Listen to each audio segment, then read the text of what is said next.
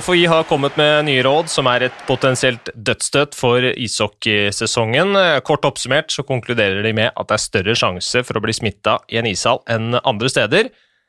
De mener at luften og temperaturen i ishaller er gunstig for smitte, og anbefaler å unngå organisert idrett i ishaller når smitterisikoen i samfunnet er på nivå fire eller høyere. Hvor langt er det egentlig mulig å tøye strikken før hele topphockeyen raser sammen? Og har klubbene noe annet valg nå enn å permittere? Det blir eh, selvsagt en del koronasnakk i denne episoden, men vi skal også høre hvordan det går med mannen som Jan Tore Kjær beskriver slik. Han er selve definisjonen på et ishockeyhjerte, men hjernen er det litt verre med. Ordmitraljøsen fra Trondheim, Tommy Iversen, velkommen til Hockeyprat. Hjertelig takk for det. Hyggelig å være her. Hva syns du om den hilsen fra, fra Kjær? Han treffer ganske godt, syns jeg. Nei, eh, det er vel det kan si det er vel, det er vel den sjargongen jeg og Jan Tore har eh, lært oss å lage og leve med i ganske mange år, så jeg, jeg lever veldig godt med det. Ja, for, for å ta det, Dere kjenner hverandre ganske godt? Ja da, Jan Tore og jeg har kjent hverandre i alle de år, og selv om det kanskje ikke Kanskje vi greide, vi greide kanskje å skape et bilde av at eh, det var et form for fiendskap der, så kan jeg jo si at Jan Tore var, Sist gang jeg møtte Jan Tore, var i, var i 50-årsdagen min i, i, februar, så det, det, er liksom på det nivået, da. Nå vet ikke jeg hvor eh, mye du følger med ishockey den dag i dag, men eh, hvis du følger noe særlig med, har du hatt inntrykk av at, at man mangler litt sånt i dag? Ja, altså, Jo, det gjør man kanskje, men nå har jo, altså, ishockeyen har jo helt andre mikrofonstativ nå tilgjengelig enn de hadde på, på min tid. Eh, den gangen så var det sånn at vi, vi var nødt til å nesten opp på klovnenivå for å få lov til å låne en mikrofon. Det, vi hadde ikke tilgangen, vi ikke hadde TV-avtale ikke hadde den medieinteressen verken i skrevne medier eller radio eller TV. Så vi, vi, var, vi, var, nødt til, vi var nødt til å ta den et stykke lenger. Om, jeg, om, om, om det er måten å gjøre det på i dag, det skal jeg ikke si, men altså, jeg, jeg, jeg, liker jo sirkus, jeg, da, for min del. Bjørn, det vet jeg du gjør òg.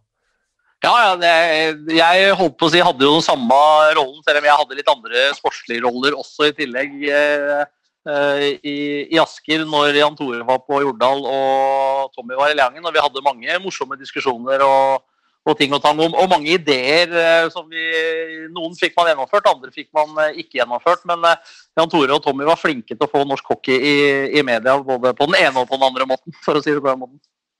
Men er du involvert i hockeyen på noen som helst måte nå, Tommy? Befriende lite, egentlig.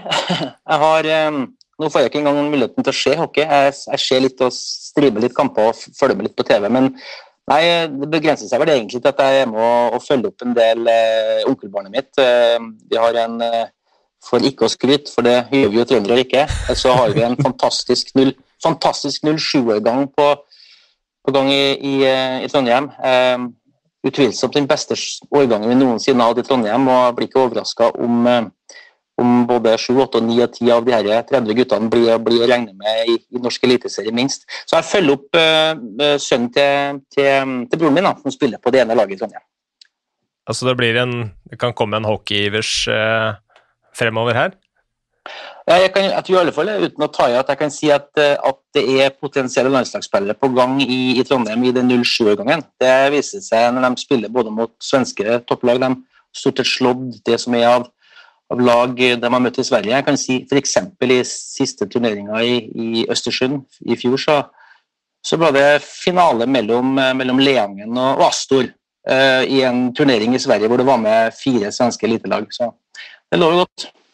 Det er jo veldig hyggelig å høre, da. Uh, så er spørsmålet hva, hva, er det du bruker tida di på nå, når du ikke liksom har muligheten til å skape overskrifter som, som leder i TIK eller Rosenborg?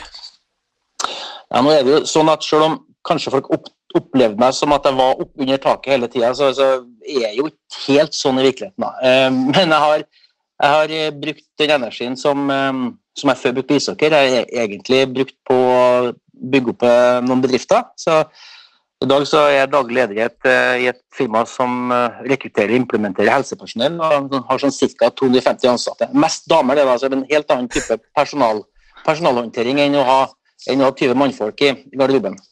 Og der er, der er det vel ikke så lett å si at uh, lønninga kommer om 14 dager. Antageligvis. Nei, jeg har ikke verre. Har ikke verre.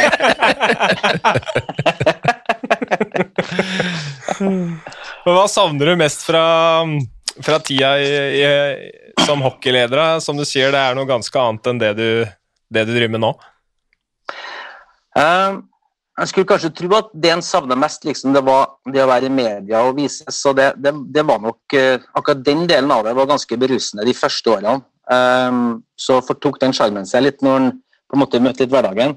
Skjønte hvordan media fungerte, at det var å bygge opp, bygge opp, bygge opp helt til vi rev ned. Uh, det var stor stas i bygge opp-fasen og ikke fullt så stor stas i riv ned-fasen. Så akkurat det savner ikke jeg så veldig. Jeg savner egentlig det å være med og, og jobbe i ei prestasjonsgruppe. Du det kan godt si at en bedrift også er en prestasjonsgruppe, men det blir på et litt annet nivå. Det er med å skape noen ting, det er med å sette, sette sammen lag, eh, finne komplementære ferdigheter. Eh, prestere, slå, slå Vålerenga 6-5 hjemme foran 3000 mennesker i Leangen. Det, på en måte, det, det, du, du, du, skal selge ganske mange tusen sykepleiere da, for at du skal føle det samme. Det, det, tror jeg på. Så, men, det er, men det er, jo, det er jo et innmari godt poeng. Da. Det er jo lite som er så på en måte målbart hele tida som, som, idrett og hockey. Du, spiller, du blir målt to-tre ganger i uka på resultater aleine. Det er ganske Det er noe eget å være en del av det. Ja, ja så, så kan du si at um, klart Spillerne føler på det der eh, etter et tap, men som enten jeg satt, var sportssjef eller markedssjef, og ofte begge deler, så, så, var det jo på en måte viktig at spillerne skulle få lov til å nullstille seg til neste kamp. Mens det var ikke fullt så enkelt for meg å nullstille meg når jeg vi hadde på en måte tapt hjemme mot MS i en møkkakamp og kommer på jobb da neste mandagen, altså morgenen etterpå, og skal begynne å ringe rundt og ta fatt på selv den klubben som tapte mot MS, som var bunnlag dagen før. Da er ikke innstillinga like enkel. Så at Eh, man levde jo man, man levde jo ånda hockey hver eneste dag, og alt som skjedde på banen, på en måte påvirka jo livet, livet ditt, om det var privatliv eller om det var, om det var ditt, ditt, ditt, yrkesaktive liv. Så da blir jo oppturene når du vinner, enorm, og nedturene når du taper, blir jo ditto helvete, da.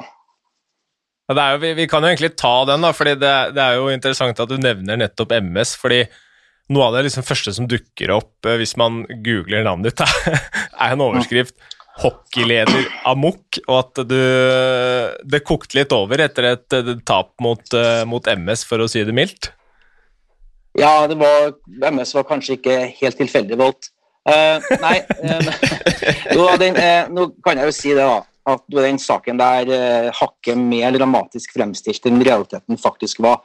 Men jeg fikk nok, lit, fikk nok, en liten tilt, ja. Og jeg skal ikke gå inn på hvorfor jeg fikk det. men jeg følte der og da at det var berettiget å bli forbanna. Men det er klart, eh, konsekvensene ble, ble store. Det var, ble negativ fokus på TIK, negativ fokus på meg, og det var selvfølgelig veldig krevende. Og utrolig lærerikt.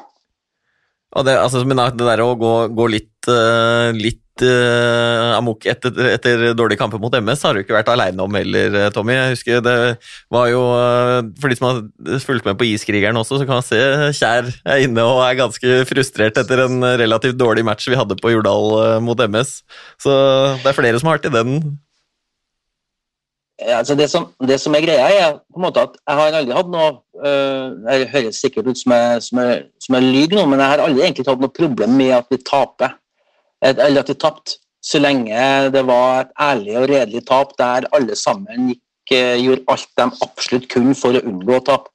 Um, men eh, det var det herre det, herre, det, herre, um, det, å slippe, det å slippe seg ned Det her vet jo Bjørn også alt om. Det å slippe seg ned på et, på et absurd lavt nivå når du vet at det nesten er vanskeligere å slippe seg ned på det nivået enn å prestere. Det er det som skaper enorm frustrasjon. I den rollen som jeg satt i, og sikkert i den rollen som Jan Tore sitter og som, og som Bjørn satt i Asker. Hmm.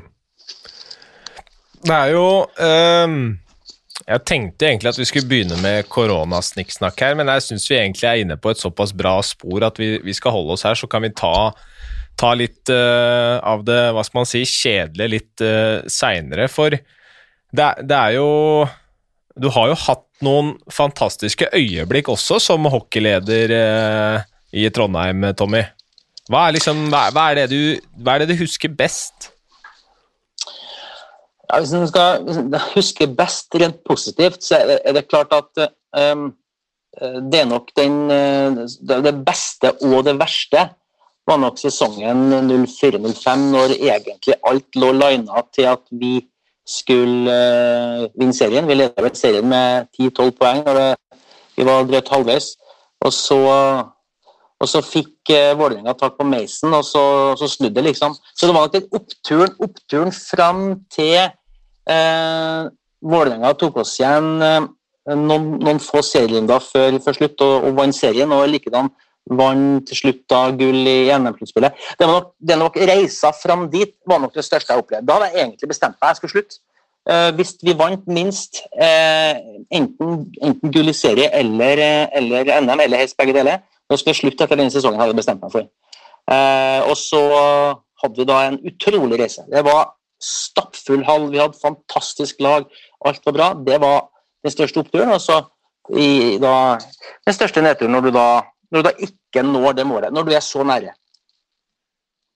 Stemmer det at du i løpet av den sesongen der hadde et uh, hadde ganske, hva skal man si, en interessant uttalelse om uh, Scott Hartnell? jo, du eh, hadde, hadde, hadde vel kanskje det. Hadde jeg fått gjenfortalt. Eh, eh, det var vel en situasjon der der Scott Tartnell da opptrådte på banen på en måte som ikke passa meg. Det var sikkert helt greit, men det gikk i hvert fall utover en av spillerne våre, spillerne mine. Hvorpå jeg kommer ned og, og har ut meg på vesentlig dårligere engelsk enn hva jeg egentlig kan. Spurte hva, i helvete er dere har fått til den stupide Hartnell for? Så den har jeg da fått gjenfortalt en god del ganger fra, fra, fra Jan Tore. Så um, det var Men eh, Vålerenga hadde jo hadde også et fantastisk lag eh, det året. Det var jo, det var jo en eh, veldig artig sesong. Kvalitat, kvalitativt opp mot i dag, skal jeg ikke si, men det, den sesongen der, de kampene mellom Vålerenga og TIK var nok noe av det, noe av det beste vi så på, på 2000-tallet, syns i alle fall. Ja, det er klart, altså det, Den lockout-sesongen der var jo veldig mange profiler i, i ligaen også. Det var jo, Du har jo nevnt Hartnell og Mason og det, oppe dere. Det var jo med Mark Bell, og det var eh, Det var jo Bjørn, dere hadde vel eh, Var det da uh, Mark Journard der hos dere? Mark Journard, ja. ja. Mm, mm. Ja, Det var en ut, utrolig sesong. Vi, vi, hadde, vi, hadde, egentlig et ganske, ganske komplett lag. følte da Den eneste gangen jeg liksom følte når sesongen starta at her har vi noe i nærheten av, noe i nærheten av, av noe som er komplett. Uh, en spiller der som, som ikke ble nevnt uh, her når dere diskuterte trønder, trønder og Trønderbataljonen i en tidligere podkast, er jo Peter Jureska. Jeg vet ikke om, du, om dere husker han? Uh, fantastisk tsjekkisk back som egentlig var av den tsjekkiske skolen. altså ikke, veld, ikke, veldig offensiv. går man og kikker på tsjekkisk liga, så er det jo faktisk sånn at en, en back der som har åtte-ni poeng, er jo, er jo, på toppen av, av, av, av poenglista som back. Han, eh, i tillegg til sånne som Mark Bell, eh, Ilja Dubkov, Lars Eik Spets eh, Fantastisk sesong. utrolig, utrolig morsomt lag og morsomme spillere. En utrolig stemning i laget. og Det er vel også det sånn at det er vel den, den, den, den, stemninga som, som, kommer i et lag i medgang, den bør alle få lov til å oppleve. Eh, og så kan alle egentlig få lov til å oppleve stemninga med et lag i motgang. For det, det, det som jeg sa i sted, det er iallfall lærerikt. Ja, hva, er det hva er det man lærer av sånt, da? Nei, altså, hvis man, hvis man tar f.eks. Altså, det som skjedde for meg etter den famøse incidenten eller, det, La oss si det sånn, gå litt tilbake. Vi hadde en fantastisk 04-05-sesong. Eh, vi hadde hatt en opptur. Vi gikk fra femteplass, fjerdeplass, tredjeplass, andreplass og alt lå til rette for at nå skulle neste år, når vi da ikke tok det i 04-05, skulle vi ta det i 04-06. Brukte omtrent like mye penger. Eh, brukt den samme dreieboka som vi har brukt i ganske mange år. Følte oss trygge på at det laget vi satte sammen, var det riktige laget. Tommy Sandlin, som var trener, var veldig begeistra. Mente at en del av den nyervervelsen vi hadde fått tak på, faktisk var hakket bedre enn de spillerne vi hadde året før, noe som borga godt. Eh, og så blir den eh, sesongen da en en fiasko etter, i, i ett og alt. Og uansett hva du gjorde, uansett hvilke grep du tok, så funka det ikke. Du gjorde akkurat det samme som du gjorde året før, året før, året før, i akkurat samme situasjon, og uansett så gikk det ikke. Det var, liksom, det var, Det var den sesongen. Og så blir det frustrasjoner, og de frustrasjonene leder til dårlige avgjørelser. Så får du den denne runddansen, eh, den, den, dårlige nedgående spiralen, som da resulterte bl.a. i at jeg dumma meg i en del, en del anledninger, og som også da faktisk endte med at, at TIK og jeg valgte å, valgte å gå hver vår vei eh, eh, våren, den våren, våren 2006. Nå hadde vel jeg hatt muligheten til å kunne bli med videre der hvis jeg hadde lyst, men vi, vi, hadde, vi hadde, en ganske vi, vi, var uenige om ganske mye, og da valgte jeg å gå hjem. Og da ser du, når du på en måte, når du da trer tilbake igjen, uh, tror, du har vært, uh, tror du har vært kjempesmart, kjempedyktig, kjempegodt likt, så oppdager du at nok, virkeligheten er nok litt mer nyansert, og det lærer du fantastisk mye av. Mm. Og ikke ville vært det foruten. Hvordan, uh, hvordan, var det å jobbe med Rosenborg? Ja? Liksom en, en enormt sterk merkevare i fotballverden. Eh, det var jo TIC som var laget i Trondheim eh, en lang eh, periode der. Så skulle man bygge opp noe, noe nytt, kanskje prøve å engasjere enda litt mer med, med litt mer kjent logo osv. Men, men du kan jo ta oss med litt gjennom de, de årene der også. Ja, eh, introen riktig. Altså, introen føltes jo veldig rett. Eh, for meg så var det jo sånn at det var jo TIK som var laget mitt, eh, men Rosenborg var en naturlig etterfølger når TIK da. TIK gikk jo konkurs knappe to år etter at jeg slutta, i 2008. Eh, ble spurt om å bli med i styret i Rosenborg, og hadde vel egentlig fått beskjed hjemmefra at det, det, skal du ikke. Eh, og hadde en indre kamp der der jeg egentlig kanskje ikke hadde så lyst, men så følte jeg vel at jeg hadde vel på en måte en form for plikt også, til å stille opp med det jeg kunne, for å kunne prøve å få, prøve å få Rosenborg tilbake. Men det var, det var ikke så enkelt å si ja til det den gangen. Eh, kom inn i en klubb som merkevaren, ja, sterk. Eh, skal ikke være for kritisk, men det er klart Rosenborg hadde vært nummer to-klubb i Trondheim i tett innpå 30 år. Og jeg følte vel litt på at den, litt, den nummer to-mentaliteten, nest best-mentaliteten, var vel kanskje det som var mest slitsomt for å få for Rosenborg til å, til å fungere sånn som jeg ønsker at det skal fungere. Det ble litt for mye, litt for mye motkrefter, litt Eh, det var i alle fall etikk var det i alle fall ikke tvil om at vi ville vinne og skulle vinne, om ikke vi alltid fikk det til og ikke alltid dro av. Eh, jeg følte ikke hele tida at det var tilfellet i Rosenborg, at viljen til å vinne var så sterk som den burde ha vært. Um, det var en kjempestor sorgprosess for meg når, når, når, TIK forsvant av kartet, som sikkert alle kan forstå. Når Rosenborg forsvant av kartet, så var det mer, en en irritasjon. Da hadde jeg også en helt annen rolle. Da, da var jeg jo eh, jeg tenker styremedlem um, og hadde ikke på en måte den samme påvirkningskrafta, men, men um, veld, veldig forskjellig. Men det var en artig tid med Rosenborg òg. Vi hadde jo en lockout-sesong med Rosenborg òg. Og det er klart når vi fikk, fikk spillere som Derek England og Jack Skille over og fylte hallen igjen, eh, da var det jo nesten som å være tilbake på, på sent 90-, tidlig 2000-tall.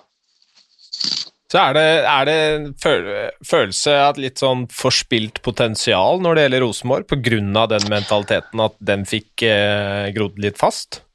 Ja, nå, nå, nå spurte du egentlig om Nå snakker jeg litt om forskjellen. Det var, det var ikke bare derfor at, at Rosenborg velta. Eh, det, var, det handla også mye om, mye om rammebetingelser. Jeg eh, kan jo si at eh, nå er vi også i Liengen Isdal bygd i 77, og fortsatt så er det trebenker og ikke stoler eh, i hallen. Eh, det sier jo litt om eh, hvilke rammebetingelser vi har holdt på i, i, under i Trondheim. Det er parkeringsplass for 150 biler, og det er jo litt mer enn det vi jo ambisjon, hadde vi ambisjon om å få, få, på kamp. Så rammebetingelsene begynte å møte oss midt i ansiktet. Um, vi, det var rett og slett ikke mulig å drive ishockeyklubb på, på gamlemåten etter hånd-til-munn-metoden og på en måte mange bekker små der man skulle få mange nok bedrifter til å bli med og bidra. Um, verden hadde kommet, kommet, kommet, for langt. Det behovet for fasiliteter, behovet for annen type opplevelse, eh, totalopplevelse, hadde kommet for langt til at vi var i stand til å generere de pengene som vi hadde behov for å generere. Det er en erkjennelse som mange klubber har kommet til, og som det er mange klubber nå i ferd med å, å komme inn i nye haller. Um, F.eks. Asker og snart i Østfold. Så uh, det, var, det var langt, mye mer sammensatt enn, en som så. men uh, Eh, forspilt sjanse var det jo selvfølgelig, mm. i totalt sett. Vi har fått inn en del spørsmål til deg. Kristian Stokta han spør hvor viktig er en ny hall i det å ta steget opp og klare å skape noe varig eh, for, eh, for Trondheimshockeyen? Ja, da skal jeg bare si at det er eksistensielt. Enkelt og greit. Det, det er, uten ny hall så er det absolutt ingen vits eh, at noen i Trondheim prøver, uten en ny hall eller en plan om en ny hall, så at man, har en, man jobber i en selvoppfyllende profeti, så er det ingen vits i å prøve på nytt igjen. Da brekker man, da brekker man bare ryggen og, og ødelegger helsa til dem som sitter i nøkkelposisjoner. Ja. Men det opplegget som var lansert på Tiller der, er det tiltenkt en sånn type matcharena? For det var sånn plussartikkel, så jeg fikk ikke sett Men det er mer bare som en treningshall, det, eller? Ja, det er en flott treningsfasilitet med flere, flere, flere, flere flater. Så, det, okay. det så ikke, ikke matcharena sånn som du uh, snakker nei. om nå? Nei, det er det ikke. Og klart, uh, Vi har en utfordring i Trondheim, og det at uh, man har jo bygd Trondheim Spektrum. Trondheim Spektrum er jo en fantastisk hall, der man har både hatt håndball-EM og, og Grand Prix. Melodi Grand Prix. Men det er klart, det er jo den eneste hallen i den vestlige siviliserte verden og den typen der man ikke har is, eh, altså frisanlegg, eh, liggende permanent i gulvet. Eh, og det er jo trist, tragisk, flaut og dumt. Ja. For det, det er vel Altså, det ligger jo en mulighet for å arrangere noe stort. Eh, man drømmer jo om et ishockey-VM, f.eks. Eh, da har det vel vært snakk om at eh, det skal gjøres noe i, i Spektrum der, men, men, som du sier, så er det jo helt håpløst at det ikke ligger der fra start.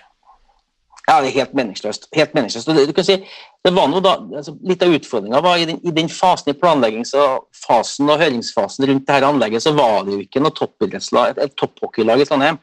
Jeg kan iallfall si det sånn at i den grad jeg har sittet involvert den, i ishockey i Trondheim når den prosessen pågikk, så har iallfall ikke det fått gått upåaktet hen.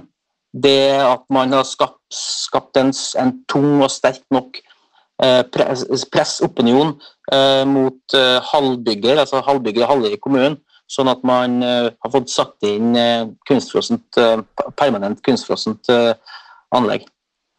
Det er jo ja, men det du sa, for, for, bare si, I forhold til det med VM, så er det klart eh, det er fullt mulig å arrangere ishockeykamp i Spektrum. fordi at Man kan gjøre det samme som man gjorde i Jyske Bankboksen når det var VM i, i, i Danmark. Men da blir det et provisorium. Det er klart det er provisorium for 14 dager til tre ukers arrangement, det er mulig. Men man kan ikke ha provisorium for å spille, for å spille ishockey i, i Man kan ikke flytte en hel bane inn og ut for hver kamp. Så det, per, per, dag så er ikke den, den arenaen egnet for ishockey, men det kan den bli.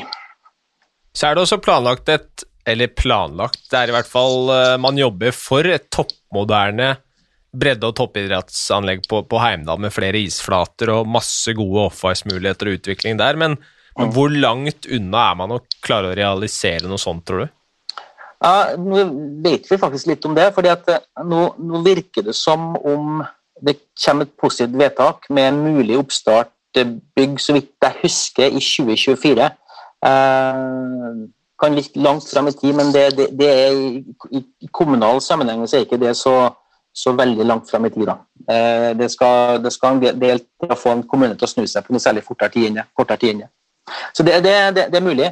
Altså, det har aldri vært et problem med, med rekrutteringa i Trondheim. Det har alltid vært det har alltid vært en av de største kretsene i forhold til, til lisensierte hockeyspillere. Uh, men det er klart uh, vi, har, vi har, Jeg er ikke så involvert i hockeyen i Trøndelag nå, men jeg har jo, har jo messa den samme leksa i, i 25 år. Uh, og det at hockeykretsen og klubbene er nødt til å enes om en retning bestemme seg for en retning fremover. Vi må bestemme oss for hvordan skal trøndersk ishockey være, hvordan skal vi, hvordan skal vi rekruttere, hvordan skal vi trene, hvordan skal vi gjøre klar spillere for, for, neste steg, om det er junior, eller om det er førstedivisjon eller om det er eliteserie? Om den planen er fra, er fra Minneapolis i Nord-Amerika, eller om den er fra Finland eller fra Sverige, det er ikke så vesentlig. Man må bare ta inn en plan og implementere en plan som vi vet fungerer. Og Alle de landene jeg nevner, og mange andre, har gode planer som Trondheim kunne vært kjent med. å og implementert. Men da må, da må alle sammen være enige. Da må man, da må man, eller Alle trenger ikke å bli enige, trenger ikke å være enige, men alle må evne å, evne å, å snakke seg sammen til en retning. Eh, og Der er vi per i dag. og, og jeg, jeg, håper og tror at vi, at vi kommer ut ganske snart. For hockey i Trøndelag har, har hatt et kjempepotensial og har et kjempepotensial. Jeg har prøvd å gjøre litt research på, på hvordan eh, de siste ukene med, med løkkehockey har gjort utslag, og det er ikke noen tvil om at det er en, en boom oppe i, i Trondheim også. Jeg snakker med noen som har sagt at det var estimert over 30 000 mennesker ute på skøyter en lørdag den måneden her. Det er ganske mye, og at, at hockeyskolene har fått masse nye, nye fjes. Men så er spørsmål, eller et problem for Trondheims hockey nå, er at ofte veldig mange forsvinner til andre toppidrettsgymnas og, og, ikke blir værende i klubben. Det er jo en, en, stor hemsko for at man ikke klarer å bygge noe eh, Et fundament på A-lagsnivå, da. Ja, det er det jo. Um, men du kan si at det, det, det der er et, et, ganske komplisert og sammensatt problem. fordi at for at det skal For at trønderhockeyen med krav på å bli trudd og uten å lyge full en 16-åring skal få en 16-åring til å være igjen i Trondheim og gå på skole her, istedenfor å reise til Lillehammer eller til Sverige eller til Hamar. Da må det være sånn at den treningsgruppa han skal delta i, er så stor og så kvalitativt god at det er riktig og rett å be den spilleren om å bli igjen i Trondheim. Og Fram til i dag så har det ikke vært sånn. Uh, for eksempel, ta et eksempel med Andreas Martinsen. Eh, når Andreas eh, var klar for å begynne på gymnas, så så vi jo vi så jo allerede den gangen at her var det, her var det, her var det noe potensielt stort på gang. Og det var da flere som kom til meg og sa at jeg måtte, jeg måtte hjelpe til å bidra for å få Andreas til å bli igjen i Trondheim og ikke reise ut. Og da sa jeg hvorfor i himmelens navn skal jeg gjøre det? Hvorfor skal jeg gå og si til gutten at du skal bli her og få begrensninger i, ditt, i, dine muligheter til å bli hockeyspiller. Selvfølgelig skal du ut. Så valgte jo han å dra til Lillehammer. Jeg, jeg råda han den gangen til, til, å prøve Nord-Amerika i stedet, men nå ble det, nå ble det Lillehammer, og det, det, ble ikke så verst, det heller. Han har jo vært innom og, og spilt, spilt NHL. Um, men um, jeg, jeg, tror det at eh, for at vi skal for at vi skal kunne snu den trenden og få spillerne til å bli i Trondheim isteden, så må tilbudet vi har her være minst like bra som det de kan få på Lillehammer. Vi kan ikke si til en gutt om å bli igjen her og trene én gang om dagen når vi vet de trener to ganger om dagen på Lillehammer. Så det er, et, er stort, det stort og komplekst. og For å kunne få til å få de her spillerne, eller for å kunne be de her spillerne om å bli igjen i Trondheim, så har vi en enorm jobb å gjøre med å få bygd opp et grunnfjell som gjør at eh, det er 30 stykker, at det er 30 juniorer på et bra nivå som, eh, som samtidig velger å å være i, i Trondheim og ikke, og ikke, strø seg rundt på andre hockeygymnas. Men, men nå er det jo veldig lenge siden Andreas Martinsen var i den situasjonen at han skulle velge. Hva er mm. årsaken da til at man ikke har klart det på alle disse åra? Man er jo ikke noe lenger, så vidt jeg skjønner. Nei, det, det er riktig. Eh, det har, har, jo delvis vært det at man ikke har hatt ikke har hatt elitelag. Det har vært større, lang, flere, flere, hull i, den, i, denne perioden der det ikke har vært elitelag. Det har vært bare, si, bare vært førstesjonslag. Samtidig så kommer, koker vi tilbake til den, her, den trønderen. Altså, man, man evner ikke å bli enig. Man evner ikke å bli enig om en retning. Eh, det er mange dyktige folk som jobber i trønderhockey, mange dyktige trenere på aldersbestemt nivå. Mange som, mange som bidrar eh, og gjør, gjør, en god jobb innenfor sin ramme, men det er ikke noe rød tråd i det. Det er ikke en retning. Og Man må finne en rød tråd og en retning og en enighet om hva, er, hva, hva, er, hva skal trøndersk ishockey være. Og som jeg sa i sted, hvordan rekrutterer vi? Hvordan trener vi? Hvor mye trener vi? Alt det der finnes jo. Alle de planene finnes jo. Det er bare å snakke om å adoptere en riktig plan for en riktig, plass. Og vi er nødt til å starte der. Og når vi ikke har kommet dit, så er det vanskelig å, å komme til det punktet at vi har 18-19-20, kanskje 22-23 eh, habile 16-17-åringer som vi kan få til å bli her fordi at det er like, like naturlig og like, like, riktig for deres karriere å bli i Trondheim som å reise til Lillehammer eller på Hamar. Men Er det noe som tilsier at man kommer dit snart? Det er i alle fall sånn at ut ifra øh, som jeg sa, jeg er ikke så involvert i det som skjer i trøndersk ishockey i dag, men jeg vet at det er strømninger, og det er mange som har skjønt at vi må dit. Eh, at vi må dit at det blir en retning. Men så er det jo det at det er mange fraksjoner der òg. Noen ønsker å gå den retningen, noen ønsker å gå den retningen. Um, og jeg sier jo at uh, det, er, det, er, ikke så farlig om man, om man, tar US Hockey sin plan, eller man tar det finske ishockeyforbundet sin plan, eller det svenske ishockeyforbundet sin plan. Det, det, er på en måte, det, det er irrelevant. Vi må bare, vi må bare legge vekk, legge vekk kjepphestene og, og, velge en plan. Og ja, jeg tror vi er nærmere der nå enn vi var for 7-8-9-10 år siden, men eh, utover det så er det fortsatt en vei å gå. Så vidt jeg vet, så, så, er det utarbeida en type treårsplan i Nidaros om at de skal være tilbake i Fjordkraftligaen innen tre år. Om det er eh, medberegna denne sesongen eller om det er fra neste, det er jeg litt usikker på. men det er jo et eh, tungt skudd for baugen at eh, spillere som, eller, eller, en spiller som Andreas Dahl da forsvinner til Storhamar, som er et av de større talentene vi har. Så det er som du sier, det å ha et tilbud hvor man klarer å holde på eh, talentene og bygge noe Bygge et fundament, det er jo en viktig jobb, eh, og det er, det er jo en, en, kompleks oppgave å få en hockeyklubb opp og frem, eh, fordi samtidig her skal du ha noe å tilby, så må det være økonomisk utvikling også. Du veit jo selv hvor, hvor, vanskelig det kan være å selge en, en ishockeyklubb. Du har jo en del erfaringer derfra også i din tid i Rosenborg og TIK. Ja, absolutt. Det, det, er ikke, det, er ikke, det, er ikke, noe lett, det lett materie. Nei, altså, jeg ønsker jo Nidaros alt, all lykke til. Eh, jeg sliter vel med å, med å tro at, at, den planen eh, kan, kan, overholdes. så Det går litt på spillematerialet per i dag og, det, og som, som, er rundt, det som er rundt der. Det er, vi er liksom litt forbi det der i, i, i norsk ishockey i 2021. så er vi litt forbi det der at en at en kompisgjeng går sammen, mange nok gode kompiser går sammen og, og på en måte spiller et lag fra opp, opp, opp i toppligaen. Det er litt mer sånn, sånn 80-talls-story. uh, eh, så det er nok mer komplekst enn bare å få eh, de lokale talentene til å bli òg. Man må ha økonomi til å, til å kunne få tak på, på spydspisser. Uh, hente inn dyktige nok trenere, dyktige nok nøkkelspillere. Uh, så hva som jeg sa i sted, jeg, jeg, jeg tror Nidaros har en kjempevanskelig jobb foran seg hvis de har til hensikt å, å, spille seg på Eliteserien på gammelt, konvensjonelt vis uten å ha et, eh, en, en, en, konkret eh, publikumshallplan som ligger tre, tre til fire år frem i tid. Litt sånn som, sånn som Storhamar gjorde når Storhamar uh, sleit, uh, sleit jo på tidlig, tidlig 90-tall. og Når de fikk los på at det kom en hall, så kom det løftet, og de løfta seg, løfta seg, løfta seg, løfta seg, kom inn i den nye hallen, og det stappfullt hus i på ett og to og tre år. Da har du et mål, du jobber mot Da selger du, da selger da selger du på det, det, som skal bli. Og så lenge du ikke har eh, den, den planen om den publikumssalen innenfor rimelig tid, så, så, tror jeg det er en tung vei.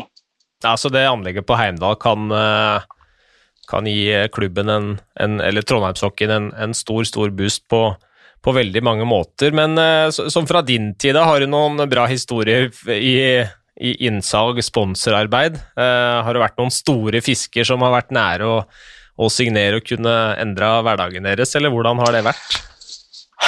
Ja, det, altså, jeg tror nok vår hverdag var som mange av, mange av klubbene som, som ikke het Storhamar og Vålerenga, at det var mange bekker små, og vi, vi slet med å få de store. Um, hvor mange potensielt store som glapp, det er jeg ikke så sikker på. at de, på måte, de, de vi fikk bitt oss fast i leggen på, dem, dem dro vi som oftest i land. Men eh, vi hadde jo en fantastisk stor sponsoravtale. Det var jo nesten mer en bevegelse enn en sponsoravtale. Um, og som Bjørn sikkert husker, det var det vi kalte for Miljøløftet. Eh, der vi i en treårsperiode hadde gått over en million fra forskjellige returselskap. Der vi for profilerte returselskapene i hall og på drakt. Men enda viktigere, vi var ute med våre spillere og ledere ute og besøkte eh, alle femteklassinger i Trondheim minst én gang. Ganske mange tusen eh, skoleelever. Eh, var ute og, ut og, ute og møtte alle, alle elevene og snakka om myke verdier. Kontrasten mellom en ishockeyspiller og en myk si, det å kildesortere var vel kanskje, var kanskje den, den åpenbare, åpenbare koblinga for de fleste, men den spenninga som det skapte, var, var veldig vellykka. Og vi fikk eh, utrolig stort, god tilbakemelding fra eh, trønderskolene på den jobben vi gjorde her. Og det ga seg utslag i enorm økning i rekruttering, og også i, i, i, i uh, mye større publikumstilstrømning. Så vi fikk egentlig en en million kroner for å få lov til å ut og presentere et veldig positivt budskap. Eh, og i tillegg eh, som, eh, som spin-off dobla eller tredobla rekrutteringa seg i Trondheim, og, og vi dobla publikumstallene våre. Så det, var, det, var jo på det, det er jo sånn, det er jo sånn en sponsoravtale skal fungere. Når det klaffer. Ja. Økonomi, det, det er jo eh, alltid et tema når man snakker ishockey. Jeg syns jo Jeg fant jo tilbake et åpent brev som du skrev til Vålerenga før NM-finalen i 2005. Eh, husker du det? Ja, ja. Jeg husker det. Jeg, jeg må nesten bare gjengi noen setninger her, fordi det, det er eh, det, det, er litt som du sier, er, eh, dere visste virkelig hvordan man skulle fy, fyre på litt før det skulle spilles kamper, men uh, den, den, her er fin. Uh, det er vel et utdrag, noen setninger fra første avsnitt hvor du skriver Greit nok, dere har et par pokaler i skapet fra før. Noe breiale spillere og ledere har slått seg på brystet og påpekt titt og ofte. Uh, dere har imidlertid unnlatt å si at pokalene i stor grad er kjøpt for penger dere aldri har hatt, for faktum er vel at styringa i klubben har vel vært overlatt til en gjeng skrotnisser på Oslo øst som har ført regnskapet på pølsepapir. Den er fin, Jesper. Ja, det er, det er klasse, det.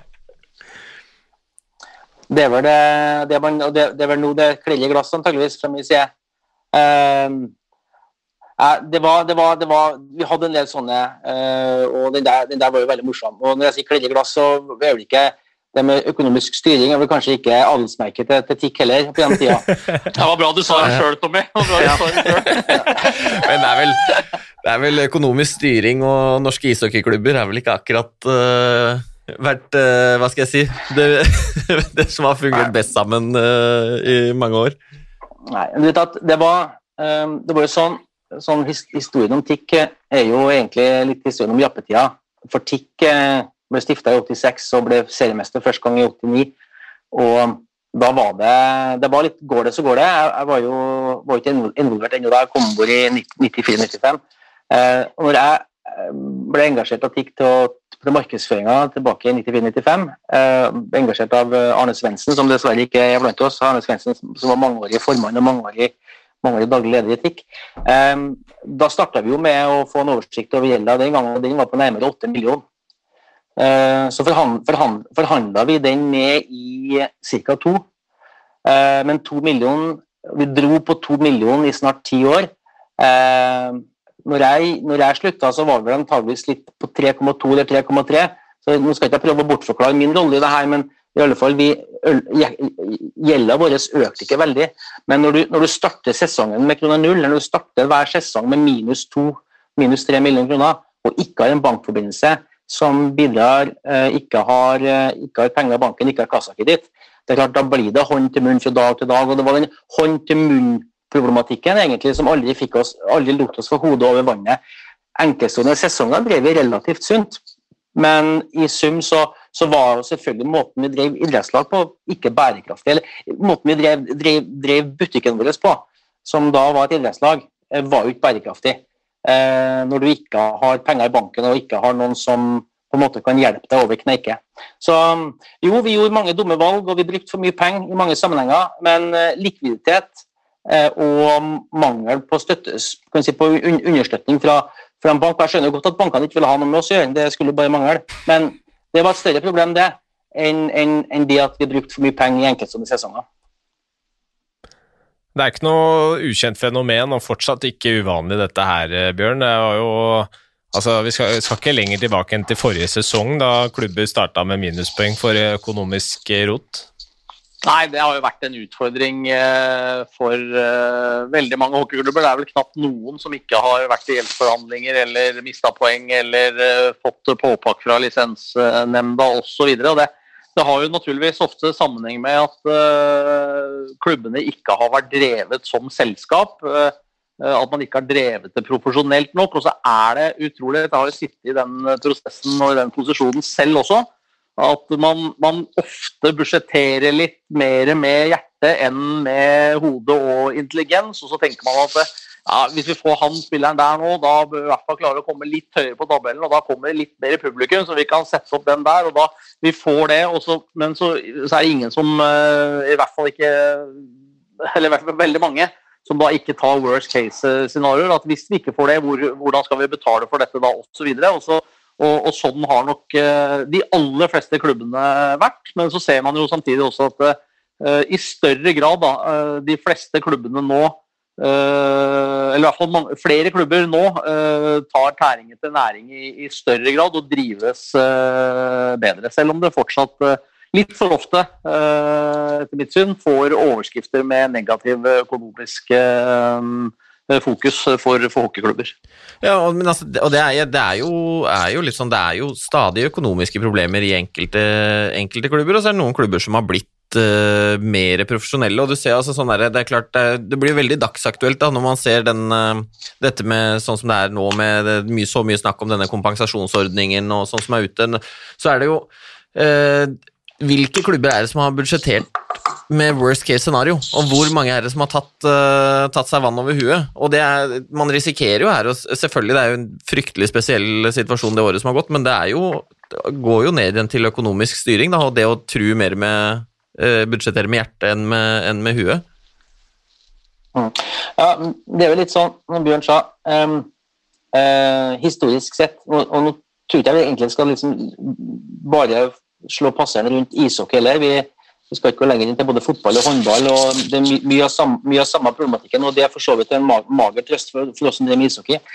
Men um, det, er, det er Måten de fleste hockeyklubbene har drevet på og driver på, er jo, er jo, på en måte ikke bærekraftig. Rett og slett fordi at man har ikke, har ikke, man har, har ikke likviditet, eh, og man har ikke fasiliteter til å generere de pengene som, som, det burde være mulig å generere på denne fantastiske idretten vår. Um, og så skal man spørre seg, skal man, skal man slutte da? Liksom, skal man slutte når man ikke har halv? da? Nei, man skal jo selvfølgelig ikke gjøre det. Og så, og så er det, og så blir man eh, de små klubbene på en måte jagende etter. og så er det litt sånn som Bjørn sa i sted. Jo da, bare vi får tak på én spiller til nå, da skårer vi sikkert litt mer mål, tar litt mer poeng, så kommer det litt mer folk. Vi har, vi vi har, jo, vi har jo alle vært der. Eh, og de beslutningene som tas da, i panikk kanskje, eh, når, man, eh, når man ser at her, her, her kommer ikke vi i havn, så har man isteden, i, i de fleste tilfeller, valgt å gi gass istedenfor å slakke av. Så får vi aldri vite om det har gått noe særlig bedre hvis man har slakka av. da. Nei, alle, ga, alle har gitt gass. Ja, alle gitt gass. Man alle, alle, alle få test, testa det konseptet. Og så har det vel egentlig måtte vært sånn at uh, Hvis man går tilbake til, til sent 90-tall og, og, tidlig 2000-tall, hvor det kanskje var mest ut å kjøre, så hadde vel egentlig vært Litt av problemet da var jo at vi hadde noen, klubb, noen klubber hadde penger. Eh, og så skal Man alltid, man skal ikke strekke seg etter de beste klubbene. Det er jo det er helt åpenbart. Det er jo ikke sånn at den beste klubben, om det har vært Storhamar eller Vålerenga, skal på en måte legge ned ambisjonene sine for å tilpasse seg oss andre. Eh, det er jo vi som har strekket oss. Men så har man valgt å strekke seg et lite stykke for langt, da. Eh, for å si det mildt. Det har vært, eh, det har vært storyen om, om, om norsk, norsk, ishockey. Og norsk håndball. Og norsk fotball. Ja, skulle man skrevet en bok om norsk hockey, Esper, så, så er det vel ett et kapittel som hadde hett 'Hvor langt kan man tøye strikken'? det, det, er noe, det, er ikke noe, lurt på det. det er, eh, men det er, det er, jo, det er jo som vi blir snakka om her, da. Det er, klart man, man, man, selv har jo ambisjoner for klubben og det der og tro på at uh, man skal ha vekst og man skal på en måte nærme seg toppen og kjempe om NM-gull, og det er jo på en måte drømmen for alle de norske klubba. Det, er jo ikke, ikke, det er ikke vanskelig å la seg rive med, da. Og det er, eh, det er, kanskje vanskeligere å være den bremsen som eh, holder igjen og sørger for at, eh, at det på en måte er 100 rasjonelle økonomiske beslutninger som blir tatt. Ja, man, skal ikke være hjerneforsker, man skal ikke være hjerneforsker for å skjønne at det, to klubber kommer til å gå gærent når det er seks klubber som budsjetterer med semifinale. Nei. det er sant. Jeg kan si men litt, litt, morsomt, litt morsomt, morsomt, morsomt i forhold til det med, det med likviditet og likviditetsproblematikk. da. Eh, det året TIC eh, tok sølv i både NM og serie i 04-05, det året gikk klubben med, oversikt, med, overskudd. Men det har aldri vært tøffere enn året etterpå, for da har du elevert ambisjonene dine. altså Du kan si du har lagt budsjettet såpass høyt at likviditetsmangelen din ble, ble, verre og verre og verre. Um, du hadde aldri penger når du trengte dem. Så TIC gikk vel, uh, var fryktelig nære å gå likviditetskonkurs i 2005-2006. I større grad enn at man hadde drevet dårlig de to-tre siste årene. De to-tre siste årene i forkant av det så hadde vi drevet i pluss eller balanse. Men det var etterslepet og mangel på likviditet, mangel på penger når du trengte dem. Du, vi nevnte i sted det her med at du får, spille, du får pengene dine om, om, eh, pengene dine om, om, om ti dager, lønna blir ti dager forsinka. Um, uh, og da var jo det naturlige spill, spillerne spurte om da var jo er vi tom for penger. Nei, vi er ikke tom for penger, men pengene kommer ikke før om 14 dager. Det var en vanskelig pedagogisk øvelse eh, å, å, forklare. Og selvfølgelig en forferdelig, forferdelig situasjon å være i, ikke bare for meg, men for nesten alle idrettsledere på, det, i, i, på den tida, om det var ishockey eller, eller håndball, det, lønna, lønna, på dato, det var jo nesten, nesten utenkelig. Jeg tror, det er mange, jeg tror det er mange spillere i hvert fall i min generasjon som har vært med på å få lønna noen, noen uker for seint. Det, det er, var gjenganger, det. Ja, det var det. Jeg ble jo, men jeg ble jo skikkelig dumma ut en gang på, på TV. Eh, sikkert mange ganger blitt dumma på TV, da, så, sånn sett, men det var i alle fall, det var, jeg hadde garden fullstendig ned. Det kom en uh, ung, søt um, um, reporter fra TV 2 og skulle spørre meg om forsinka lønn. og Jeg var, hadde hodet mitt helt andre plasser. Jeg var nettopp ferdig med et møte og slipper, slippe garden og dummer meg forferdelig ut. Og å si, at, å si, noe sånt som at det med å få lønna for sent, det får, må de bare venne seg på når de, når de holder på med ishockey. Og Det var jo også så, så tilbakestående å si at det fins jo, jo, ikke unnskyldning. Og etterpå det himmel og hav, hva var det jeg sa nå? Jeg fikk høre, jeg innbiller meg at ringte Bjørn Loa det, det, var vel en av de tingene jeg nevnte for Jonas når, før ja. denne episoden her nå også. at. Den der er jo veldig spesiell. At det liksom kommer at det spiller hockeytikk, så må du være med og få lønn hver 14 dag. Jeg skjønner ikke ja. hvor har du vært de siste åra, liksom. det, er så ræva sagt, og det er så håpløst tenkt, og det er så dårlig at det fins ikke unnskyldning for det. Men uh, tro meg, jeg fikk, uh, fikk straffa mi for den. Jeg har, uh, det var ingenting jeg har fått så mye kjeft for som akkurat det, og det var fullstendig berettiga. Så er spørsmålet da, hvor langt det er mulig å tøye strikken nå, Bjørn. Um, disse nye rådene som kommer fra FHI, uh, eh, hvor de altså konkluderer med at ishaller gir større smitterisiko. Uh, ja. Hva, hva, Jeg vet nesten ikke hva man skal si om situasjonen. Det, Nei, det føles det, som et dødsstøt da, for hockeyen. Ja, man blir jo helt uh, motløs, egentlig. Og så kan man jo godt si at det, hva baserer de altså Er det gjort noen uh, forskningsundersøkelser på det osv.? Svaret på det er vel antageligvis nei. Men det man ser på, er jo at det åpenbart har vært mye flere større utbrudd rundt ishaller uh, enn det har vært i andre deler av uh, det idrettslige samfunnet. og Da er det jo naturlig å tro, selv om det kanskje ikke er helt sånn forskerbasert dokumentert, at det er et eller annet med, med Eh, nettopp eh, atmosfæren i ishaller, altså med temperatur, med vantene som kanskje holder inne osv., som gjør at eh, vi har havna i en situasjon som, som, gjør at myndighetene er nødt til å ta sånne grep. Men det er jo forferdelig leit, både for barn og unge og alle som ikke nå får lov til å, å spille hockey i sine respektive ishaller innenfor denne Ring 1-sonen. Og det påvirker jo naturligvis også Fjordkraftligaen. og og oppstarten igjen der. For det er klart at nå, nå begynner vi å nærme oss en grense for uh, hvordan man skal klare å gjennomføre 36 matcher. Det var jo først en oppstart 4.2.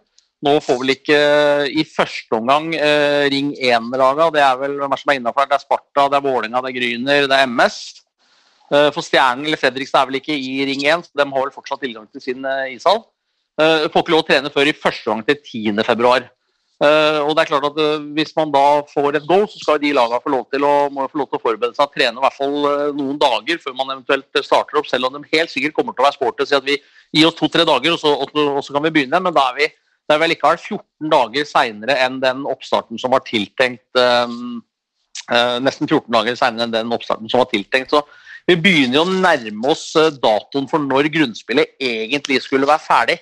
Det var vel 7. mars eller noe der omkring, hvis jeg ikke husker feil. Um, så, så, så vi er i ferd med å passere noen deadliner her. Og så er jo spørsmålet da om uh, denne kompensasjonsordningen, for det er jo det som er den store utfordringa her nå. Hvis man ikke får spilt på grunnspill, så har man jo spilt mange nok kamper til at man faktisk kan spille et sluttspill. Uh, så kan vi komme litt tilbake igjen til det litt senere i forhold til de, de måtene det eventuelt kan gjennomføres som har blitt lansert uh, de siste dagene. men men hvis, ikke, hvis eh, Raja og kompani går for at man ikke skal få kompensert for avlyste arrangementer, så frykter jeg at det er ikke noen lag igjen til å spille sluttspill, med unntak av et, kanskje et lag eller to, for da må antageligvis nesten alle permittere spillerne sine umiddelbart. og det når man da samtidig så vidt jeg har skjønt, ikke får svar på den høringa før om to til fire uker, så er det jo en situasjon for klubbene som, som er så uforutsigbar som det, det, går an. For Hvis man må vente fire uker nå på å få beskjed om at dere får ikke penger for å avlyse arrangementer, ja, så kunne man jo egentlig permittert spillere allerede nå, for da er det kjørt. Jeg, jeg har snakket med flere klubbledere som, uh, som sier at, uh, at uh, i, i, verste fall så, så har de ikke noe annet valg enn å sende landslaget til Riga med den troppen som Petter Thoresen ønsker, eh, og spille her hjemme da med eh, en utfordring med at man eventuelt må forlenge kontrakter, eventuelt fylle på med U21-spillere, for man har ikke råd til å gjøre noe annet, enkelt og greit. At, eh, at man sender landslaget til Riga og spiller seriesluttspill her hjemme som om ingenting har skjedd, med de som da mister sine beste spillere. Ja, det... Altså ute i april-mai? Ja. Ja.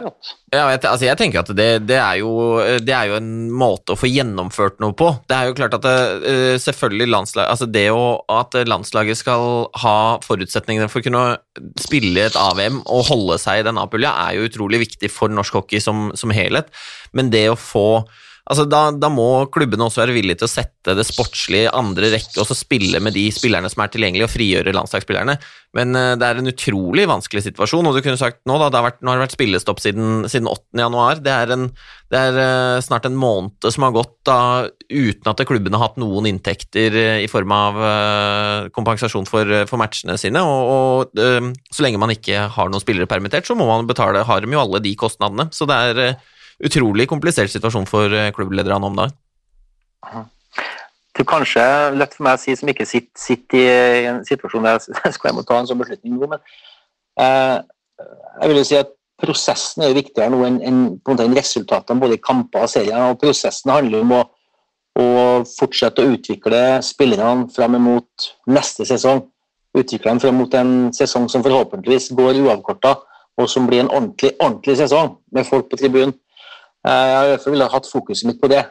Ikke hvem som vinner matcher fremover og hvem som vinner serien. Det, den, den, den, det året her er jo, er jo, den sesongen her er jo per definisjon ødelagt uansett. Ja, jeg, jeg, jeg, er enig med deg der, Tommy, at det er, det, er, det er, egentlig viktig. Det er viktigere å få hva skal jeg si, alle klubba og spillere helskinna gjennom den sesongen her. Uh. At det er mye viktigere enn hvem som sitter igjen med et seriegull eller NM-gull til slutt her. Ja, og så får man jo Og, og der er det det å holde folk skadefrie og, og holde folk, folk friske, sånn at uh, de, så klubbene har gode treningsgrupper. Det er det som, er, som, må være viktigere nå, enn å spille de her kampene sånn på halv, halvkjelkekamper med, eh, med, lag som enten det er da nettopp ut av karantene og i dårlig form, eller, eller ringrusten. Større sjanser for skade. Nei, um, um, og når, når, når, jeg er enig med deg, Bjørn, jeg, jeg, jeg greier ikke å si at det er gjort noen sånn kjempegod vitenskapelig vurdering av hvorvidt det, var, det, det er lettere å bli smitta enn ishall. Men hvis, hvis, det er den oppfatninga som er rådende, da må man jo forholde seg til det. Ja, og Det er ikke så rart den er rådende, når man ser at Nei. det har ikke vært så vidt jeg har sett, veldig store smitteutbrudd i uh, håndballag eller Nei. fotballag eller basketlag eller et eller annet sånt. Nå har vi hatt uh, tilbud, eller flere ut, utfordringer i, i, i Østfold Eh, fire, fem, seks lag eh, på Fjordkraftligaen har eh, fått store smitteutbrudd. Mm. Samtidig så har det vært lite smitteutbrudd i breddeidretten. Som jo man skulle tro kanskje har mye større si, kohorter i form av skole, barne, barneidretten osv. Hvis du tar bort nå det hockeyskoleutbruddet i Halden, så, så vidt jeg har registrert, så har det jo knapt vært utbrudd i noen andre ishaller eh, blant barne- og ungdomshockeyen. Mm. Så, så, jeg sitter og selger litt spørsmålstegn også ved, ved det at man, man, slår fast at uh, Men at det er klart at, at, viruset trives bedre når det er kaldt. Det sier seg sjøl i, i og med at de har forskningsresultater på at det ikke trives når det er varmt. Så jeg trenger ikke å være forsker for å, for å skjønne det. Men, men, men, jeg må jo stille, jeg må jo si at det, det har, jeg, jeg, er litt overraska over at det da, med den eh, uttalelsen om at det trives så godt i ishaller, ikke har vært store smitteutbrudd i U12 og U13 og U14 og U15-lag osv. i mange ishaller, som det jo ikke har vært. Men hvis, hvis det er noe sånn at myndighetene mener at, at det er sånn, da, så burde de heller kanskje ta kontakt med Ishockeyforbundet og si hva, hva koster det folkens å, å runde av nå? Ja, Enkelt og greit. nettopp. nettopp. Hva koster det å, å si at nå we call it quit? Mm, ja. Det er jo man, eh, man lever ofte fra hånd til munn. Nå lever man litt sånn fra i toukersperiode før det kommer noe nytt. Nå er det seks uker eh, snart eh, med full stopp. Eh, man begynner nok å, å nærme seg eh, smertegrensa. Man egentlig ikke er forbi den eh, hva gjelder før man er nødt til å permittere, Jesper. Ja, nei, det er sant. Ja. Så, så jeg så, det var, så på Twitter her at det var, eh, det var flere som var ute og meldte at nå måtte fotballen komme seg i gang igjen, sånn at eh, hockey og håndball kan få lov til å spille litt, dem òg. Ja, hva syns du om det? Nei, altså, det, er, altså, det, er jo satt helt, det er jo satt på spissen, da. Det er ikke noe å lure på det. Men, men at eh, fotballen er den største eh, idretten i Norge med mest eh, påvirkningskraft, det er ikke noe å lure på. Og at, uh, så det er, det er jo en viss sannhet i det. Uh, men For det var jo ikke Altså Men om det hadde vært sånn at det var fotballsesongen og så hadde alle fått lov til å spille, det, det tviler jeg på med sånn som det, det utbruddet som har vært, da. Ja. Det, det, det, som er litt interessant nå, er jo egentlig Nå sitter ikke vi og har førstehåndskunnskap om hvordan andre nasjoner vi skal, at vi skal måle oss med internasjonalt, hvordan de har løst verken breddeidretten sin eller, eller toppidretten sin. Det er sikkert like mange løsninger som det finnes land. Um, men det kan jo være her at, uh, at de landene som har kommet, kommet, kommet best fra det, som har hatt minst smitte, og som kanskje har hatt mest normalitet, da, i den grad man kan snakke om normalitet, har vel kanskje en mulighet til å knipe noen marginer i år på de nasjonene som faktisk har hatt mest nedstengning. Det kan jo bli interessant å se om det får noe utslag internasjonalt. Ja, og det er, er jo vi i bakerste klassen, antageligvis, som har hatt Mm. Mest nedstenger. Fordi toppligaen i Tyskland går så de, som var det, Østerrike Mm. går som det går der. Svenskene, som jo kanskje er eh, eh, i hvert fall hvis man, Det inntrykket man får i media, er nesten den nasjonen basert på folketall som sliter mest. Der har Mm. jo på en måte de to øverste ligaene gått eh, stort sett hele tida. og eh, Nei, så det kan bli tøffe tak hvis, hvis ikke norske, eh, norske hockeyspillere skal få, skal få trent eller gjort noe som helst nå i ukevis til, eh, selv om det er noen måneder til VM. Mm, Ja, det kan, kan gi seg grelle, grelle utslag. Det har vært snakk om å lage noen eh, bobler her eh, hjemme også nå.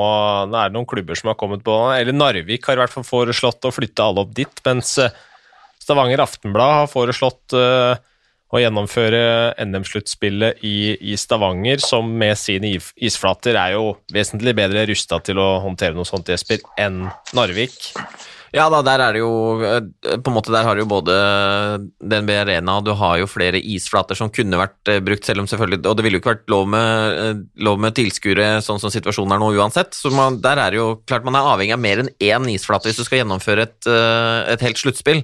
Eh, og så er det selvfølgelig noen andre til, eh, altså utfordringer tilknytta og det å lage en boble for norske ishockeyspillere.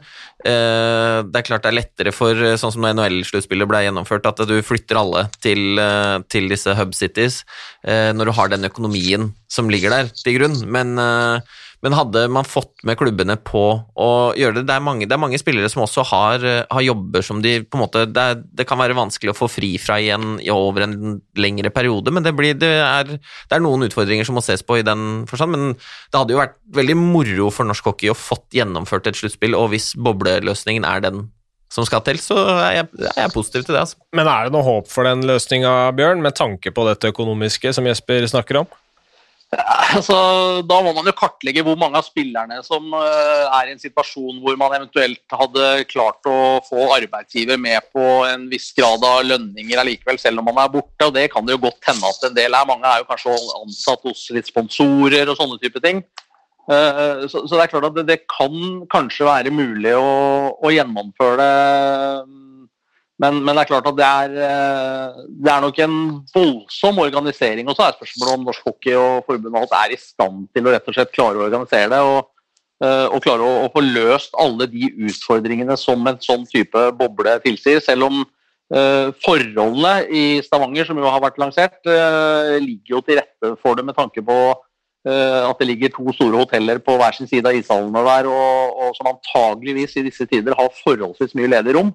Eh, Så at man hadde klart å få til en etasje til hvert lag og noen møterom der laget spiser, og at man hadde klart å unngå eh, det rent sånn smittemessig, så tror jeg absolutt at det kunne raskt seg gjøre. Men samtidig så ser jeg jo for meg at ikke minst de økonomiske utfordringene her kan fort bli, og, og organisatoriske kan bli såpass, såpass store at, at, det kan være vanskelig. Men ideen er veldig forlokkende, for alle har jo et ønske om å prøve å få det til det beste for norsk ishockey, enten det er i Stavanger, i Narvik, eller om det skulle vært på Hamar eller på Lillehammer, eller hvor det enn skulle være. Så, så uh, jeg syns rett og slett litt synd på hele norsk hockey nå, som på en måte har prøvd å gjøre alt de kan på alle mulige måter. og jeg tror ikke hockeyklubber har vært uh, dårlige på smittevern i det hele tatt, snarere tvert imot. Uh, men, han, men, han, har fått smitten inn, og så har det utvikla seg. og Så får man jo se nå i samfunnet generelt da, de neste ukene hvordan, hvordan ting utvikler seg. Men man får jo Eh, dårlige nyheter blanda med gode annenhver dag, og det er nye mutasjoner. og Nå er det noen ny Kent-variant som kanskje går utafor vaksinasjonen, og da må man eventuelt vaksinere på nytt. og sånn, så det er, det er, nesten så man ikke orker å lese media. Og så får man noen gladnyheter eh, dagen etterpå om at det så farlig likevel. Så uforutsigbarheten her er jo utrolig vanskelig. Ja. Jeg tenker vi setter punktum for det der, og så hopper vi videre til uh ukens eh, profil, eh, Bjørn. Og der uh, mener jeg du har funnet fram en som Tommy også kjenner godt til? Ja, I og med at Tommy på en måte har vært så elskverdig å bli med oss i dagens episode, så tenkte jeg at det er naturlig å ta en som for meg på den tida framsto som kanskje For han var her såpass lenge. som en fantastisk ishockeyspiller. Meget smart. En poengmaskin av rang, nemlig Trondheims eh, Dallas Gome, som jo var en eh, fantastisk hockeyspiller å se på når man ikke spilte mot dem, men eh, en fryktelig spiller å spille mot eh, når man spilte mot dem, og ikke minst da i, med to parhester på sida der i Rob Dorosjok og, og, Wade Buxis. Mm. Ja, Dallas var, Dallas var, en fantastisk hockeyspiller. Um, var det litt Altså, fikk jo med seg en to eller tre, tre NL-kamper men det er vel mer, faktisk mer kjent USA for at han fortsatt har, har eh, poeng, poengkonge i, i, Denver, University of Denver. Uh, det tror jeg muligens at han faktisk leder uh, all time poengstatistikken ennå. Han var jo nominert til Hobby Baker, altså det vil si nominert som en av de som finalistene til å bli best, den beste kan, amerikanske universitetsspilleren før han havna i, i, i proffsystemet. Eh, fantastisk hockeyspiller. Litt treg. Eh, det gikk utrolig Det, det, det virka som det gikk utrolig seint, men det gjorde nok antageligvis ikke det. med den poeng, poengsankinga som han hadde. Eh, fin type. Var i Trondheim i ni år. Kom jo til Trondheim egentlig og ble skada på en av de første kampene og spilte bare noen få kamper den første sesongen i, i 1991. Han kom tilbake for fullt da året etterpå. Du nevnte jo, du nevnte jo um, uh, Rob Dorchuk og Wade Buxis, men i 91-92, når Tick tok sitt andre gull, så spilte han faktisk med Dog DeRoe. Dog DeRoe, ja. Mm. ja. Riktig. Dog DeRoe, Men han var, bare, han var der bare ett år, var han ikke det? Han var der bare ett år. Uh, ja, fantastisk bra, han òg. Ja, fantastisk. Det var utrolig. Den rekka, Canada-rekka som ble kalt, den, den var, den var helt, helt, sikkert ikke unik i norsk sammenheng. Det har vært noen sånne rekker, men i alle fall up there. Eh, jeg blir ikke overraska hvis de havna på topp top fem-lista top over, over um, vellykka rekkesammensetninger. Så har han jo, Det som også var spesielt med, med, med Dallas, var at han ble jo nøkka i av uh, bortimot alle klubber med respekt for seg selv i Norge prøvde seg på han. Vet at Det verste var klubben din, Bjørn. Den var etter han i mange år. det eh, stemmer nok helt sikkert, det. Og Dallas, men Dallas valgte å bli i Trondheim, og det var nok ikke fordi at vi betalte best, eller at eh, det var så fantastisk ishockey, for han var med på en del grå, triste sesonger. Eh, men han trivdes veldig godt, og kona trivdes veldig godt. Kona jobba til til en lokal arkitekt, et lokalt arkitektkontor. Arkitekt som selvfølgelig også var sponsor. og trivdes godt i Trondheim, og, og, var jo her egentlig he, hele karrieren ut. Kunne vel egentlig ha spilt et år eller to til, men valgte å reise, valgte å reise hjem. og um, når han dro tilbake til, til Canada, så ble han jo assistenttrener i Red Deer Rebels, som er en av, en av, en av juniorklubbene i Western Hockey League.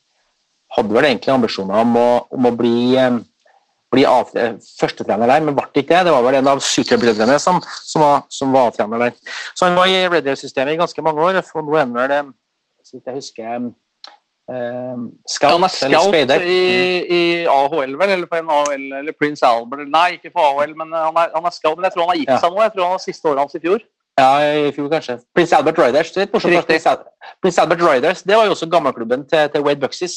Wade Buxis som spilte ofte, som spilte i mange år sammen med sammen med Dallas. Da var det ikke den samme elegante typen. Det, er vel en understatement. Sant? Altså, Wade Buxis, når du nevner han, jeg må bare si at det, det er eh, altså, at det, var helt vilt å se. Han gikk ut på isen der, og så tenkte man, hvis man da ikke hadde sett uh, han spille, så hadde man tenkt ok, er det en som har vunnet noen loddtrekninger eller, eller noe konkurranse eller noe, skal få lov til å spille en periode med dem. Ikke kunne gå på skøyter, ikke kunne skyte. Ikke, han kunne ingenting. han. Og så når matchen var ferdig, så hadde TIK vunnet 6-2, så hadde han 2 pluss 2.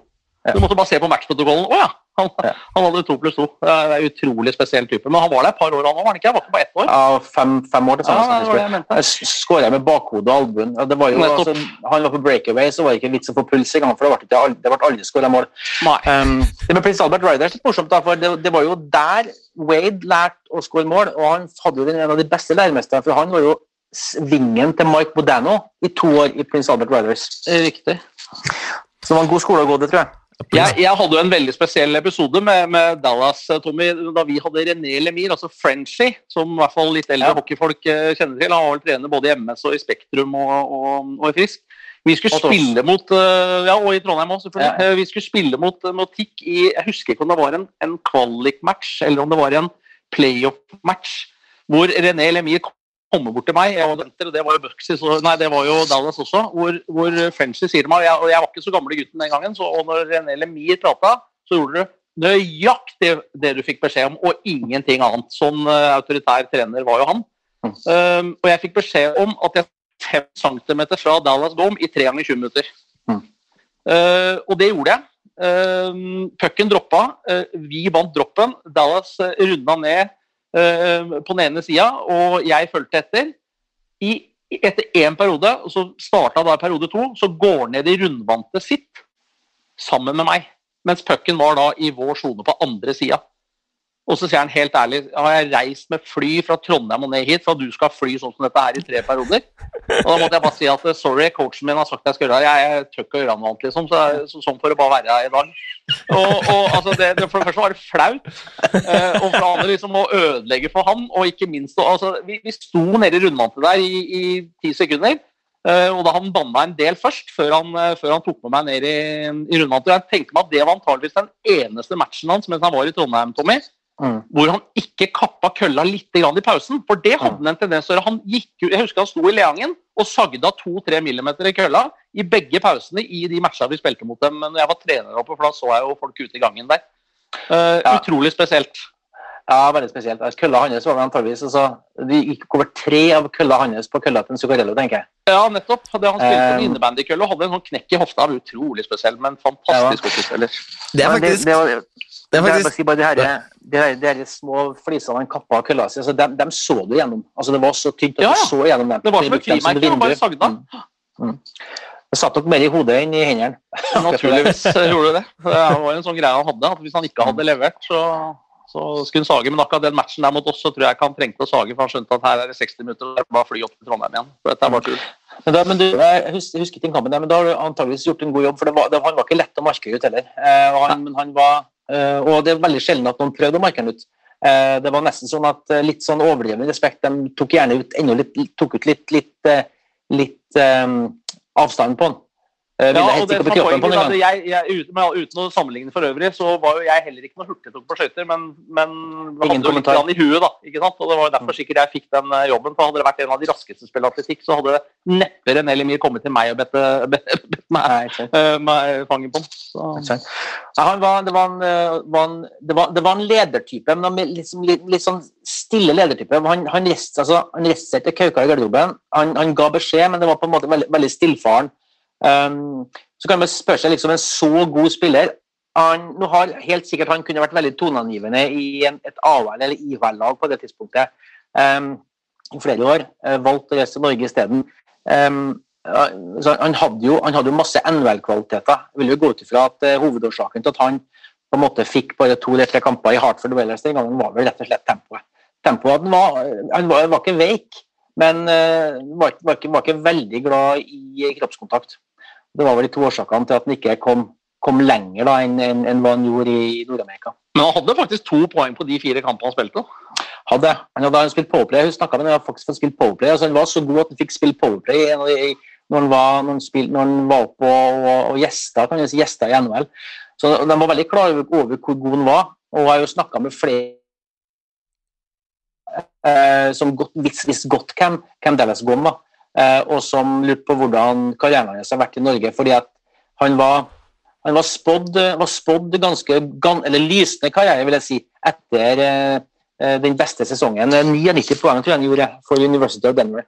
Stemmer det. Eh, som da var et, av de beste lagene eh, tilbake på slutten av 80. Spengler Cup for Canada også? Ja, og spilte vi også, spilte vi også uh, i Trondheim uh, Unnskyld, spilte i Norge ved et par når Canada var spilt, lands, var spilt landskamper over en tradisjon for noen år tilbake at de tok med seg to-tre spillere fra hvert fra den nasjonen de, de spilte mot, eller når de var på, på reisefot. og Han fikk jo noen kamper der òg. Mm. Uh, vi har ikke sånn uh, Teams-funksjon her hvor man kan reise, eller heve hånda, så Jesper nå sitter med armen hevet uh, her. Prøver, prøver, å slippe til, så vær så god, Jesper. Det er, ikke så lett når gutta er godt i gang. Nei, jeg skulle, skulle egentlig bare opp, legge til litt der. Men, altså, det er sånn der, Tidlig 90-tallet var jo Jeg var jo da selvfølgelig liten gutt og fløy rundt på Jordal og så på, men det er en av de tinga som jeg husker godt. Var, faderen sa alltid 'se på Dallas Com', han er bra, han er bra spiller', liksom, og det var en av grunnene til at også liksom mente at, det, at jeg burde spille med så kort kølle eh, hele oppveksten. Han var liksom Bare se Dallas Gom, han han har det, liksom. Så det er, eh, det er Han eh, har, har, satt spor hos oss som ikke var voksne på den tida òg. Mm. Nå fikk han jo spilt selvfølgelig for, han fikk jo spille for en veldig god TIK-årgang i 91-92. Eh, og så fikk han jo også spille for noen forferdelig dårlige TIK-årganger året etter året, altså 92, 93, 93, 94. Eh, og han produserte jevnt for og det er en adelsmerke på en bra spiller, produserte også veldig jevnt i et dårlig lag. Eh, nå har det selvfølgelig vært spennende, og, og vi får jo aldri vite det, men nå skjedde Dallas kom i et av topplagene i Norge over tid. Eh, da har nok han hatt en usedvanlig høy stjerne i Norge, og en mye høyere stjerne enn han hadde når han spilte for, for TIX, som på en måte var bakgårdsklubb, i hvert fall i, i, på midten, midten av 90-tallet. Ja, men allikevel, selv om TIK ikke var toppklubb uh, der, så hadde han en høy stjerne, Tommy. Uh, jo da, han hadde nok det. Det er ikke noe tvil om. Fantastisk hockeyspiller. Og så var det det her med at han, at han valgte, valgt å bli, og det det, det er jo de spillerne du blir glad i. altså Type Dallas Gaum, type Ilja Dubkov. De spillerne som faktisk bestemmer seg for å bli. Ikke nødvendigvis fordi det er mest penger å tjene, men fordi de trives med jeg trives med folket, jeg trives med lynnet, jeg trives med, si, trives med klimaet. Det var ganske spesielt å trives med klimaet i Trøndelag, men i alle fall, det, det, eh, det er jo den type spillere som du på en måte får mye, for, de får du mye sterkere følelser for. Um, og, og, Dallas var jo en sånn en. Og jeg, har ikke jeg hatt så veldig mye kontakt med de, de, siste årene, men jeg snakka med min gode venn Ola Stai, som en del sikkert husker, som var assistenttrener på TIK i mange år med langt, langt hår. Eh, Ola hadde nylig snakka med, med, Dallas og skulle melde at eh, alt sto bra til med han, og at han, og at han eh, gjerne kom seg til Trondheim igjen. Han har også nettopp faktisk snakka med Derek England, en annen bra spiller som har spilt for oss. og Han elska Trondheim og ville gjerne komme tilbake og håpa at det var mulig for å komme og besøke oss i Trondheim. Ja, hvor, mye tar du, hvor mye det tar du for hans suksess i Vegas Golden Nights, egentlig? Helt, helt fantastisk. Altså, vi, må, vi må se på Da snakker, da snakker man om, på en måte om det, det, det American Dream, da. For så vidt eh, eh, helt, helt utrolig. En spiller som egentlig var bakgårdsspiller i avhør i ganske mange år, og som egentlig bare for å slåss. Og så fikk han sjansen i Pittsburgh Penguins egentlig der for å plukke opp, komme opp for å slåss. Så gjør han en brukbare kamper, så begynner han å bruke den litt mer og litt mer. og litt mer. Eh, men ikke, ikke sånn plagsomt. Han var jo sånn, fortsatt var jo ansett for å være, for å være fighter. Kjem til kommer lockouten, havner i Trondheim. Jeg tror ikke vi skal ta sånn kjempestor eh, æren for at han, ble, han kom tilbake og ble den stjernen han ble. Men i alle fall, vi som kjenner ham, og som fikk møte ham, vet jo hvordan fantastisk type det er, og for en arbeidsmoral. Eh, så ble jeg overraska når han kom tilbake og gjorde så stor suksess. Ja, det ble jeg vel antageligvis, men, men samtidig så ikke så overraska som jeg sikkert kommer til å bli hvis jeg ikke har fått oppleve den som, som menneske og type. For uh, utrolig sympatisk, og den jobben han har gjort for, for, uh, for Las Vegas, er jo helt fantastisk. Og der, der, der spilte han jo Han hadde jo ikke det, Han var jo i Calgary en periode. Det, var vel ikke så kjempesuksess, egentlig. Der fikk han en kanonkontrakt i Calgary etter at han reiste fra, fra Pittsburgh. Uh, men jeg tror det var hele pakka som, som, gjorde, som, gjorde, det til en så stor suksess i, Las Vegas. Han er jo elska der. Og han hadde bodd der, jeg lurer på kanskje ikke var født der, jo, så i alle fall så, så var han jo på en måte liksom skjedd på som kanskje den eneste lokale spilleren. Ja, det... Så jeg har jo vært, til Skjedden i Las Vegas, så det var også en spesiell opplevelse. Han var jo faktisk eh, Han spilte jo i Eh, da det var East Coast uh, Hockey League-lag i Las Vegas, så spilte han med Morten ja, Ask det. i Las Vegas Wranglers. Faktisk, det husker jeg. Det, Morten har prata om det noen ganger også, at han spilte med han så. der. Og, og, det at han sånn sett fikk liksom Det var, første, var vel første sånn profflaget som England spilte for. Og da fikk liksom slutta sirkelen med å spille NHL i Vegas, da. Så hadde du Jack Skilly, Tommy, som kom dit. Altså, dere hadde samme tippoldefar, var det sånn? Ja, det er, en ganske, ganske, ganske, fascinerende historie. Det, eh, du, sånn, skal, ikke, skal ikke trekke dere med mange detaljer, men tilbake på midten av 90-tallet så hadde vi besøk Vi har ganske tett kontakt med det amerikanske. altså Alle nordmenn har vel slekt i Amerika, men vi hadde jo masse slekt i Midtvesten. Så var to eldre personer her på besøk i Norge for midten av 90-tallet. Og vi, De er hjemme hos oss og drikker kaffe, og vi møter dem over flere dager. og Så sier de at det var morsomt at vi holdt med ishockey, for de hadde en, de hadde en, en, en barnebarn som var ganske flink. Tenkte jeg ikke noe mer over det før jeg så navnet Skille på ryggen til en landslagsspiller på USA i VM i Tsjekkia her for en god del år tilbake. til. Det må jo være han. For Skille det er ikke akkurat noe sånn, det er et nordtrøndernavn, og det er ikke så mange borti her som heter det og i hvert ikke Jack Skille. så fikk jeg tak i mm, fikk jeg tak i, eh, fikk jeg, jeg tak i bestemora, som huska godt at vi, vi hadde møttes. Eh, og, og da, da, fikk jeg, da, fikk jeg, ikke tak og fikk prata med henne den gangen, for jeg, jeg kom, ikke, kom, ikke, i kontakt med henne. Det var en ganske effektive skjerminger der på en del NRL-klubber. Da var han vel i Panthers. Og så kommer lockouten. Da ringer jeg bestemora en gang til, og så får jeg nummeret en gang til ringer han midt på natta. Jeg står opp klokka fem på natta i Norge og ringer han. Og, eh, for han har nettopp spilt kamp. Eh, unnskyld, han har vært på trening. Eh, får tak på han og spør om eh, og sier hva med. Han ble fullstendig fyr av flammer. Selvfølgelig skal han komme. Og så sa jeg når det gjelder penger, eh, det er ikke noe penger, gratis, gratis. Kjem, kjem. Og, og velger da å reise over til Norge. Og så Samtidig som Atle Johansen, eh, tidligere TIC-keeper som jobba administrativt i Rosenborg, kom i kontakt med en annen agent som da hadde tilbudt Derrick Engelen helt ut blå. Så de to, kom, jo, kom, jo, sammen og landa på Værnes. Ja, fantastisk morsomt. Så jeg har jo møtt, jeg har jo vært eh, sammen med familien min i, i, i Nord-Amerika her i, eh, for to år siden. Da møtte jeg jo uh, bestemora og en god del av de andre slektningene hennes, men han sjøl var da og spilte i Minsk akkurat da, i KHL. Ja. Yes. Så, så det gikk samme, samme tippoldefar som ble gravlagt på Spooner kirkegård i, i Wisconsin. Ja, se der. Eh, vi har eh, Jeg er egentlig tom for tid her nå. Eh, produsenten står og banker på døra, men jeg skal ta et spørsmål til. Det skal jeg ta meg tid til. Den her er litt mer generelt, fordi det har vært mye folk på Løkka en god stund nå. Så nå begynner folket å etterlyse litt regler. Så Jesper, du skal få begynne å svare på her. Det er Trond K. Torbjørnsen, Torbjørnsen som spør. Hvis jeg måker en isflate på et stort kommunalt vann, hvor lenge er den flekken min? Er det en time, er det en dag, kan jeg jage vekk folk en uke seinere, eller hva er det som gjelder der?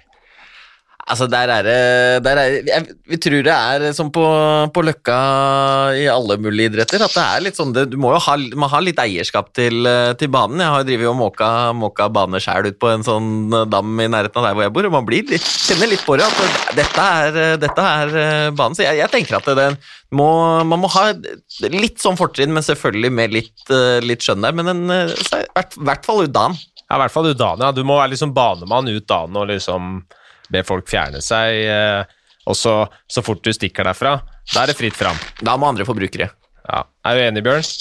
Ja, jeg, det var det jeg hadde tenkt å si også. at du, Så lenge du er der, så er den jo selvfølgelig din.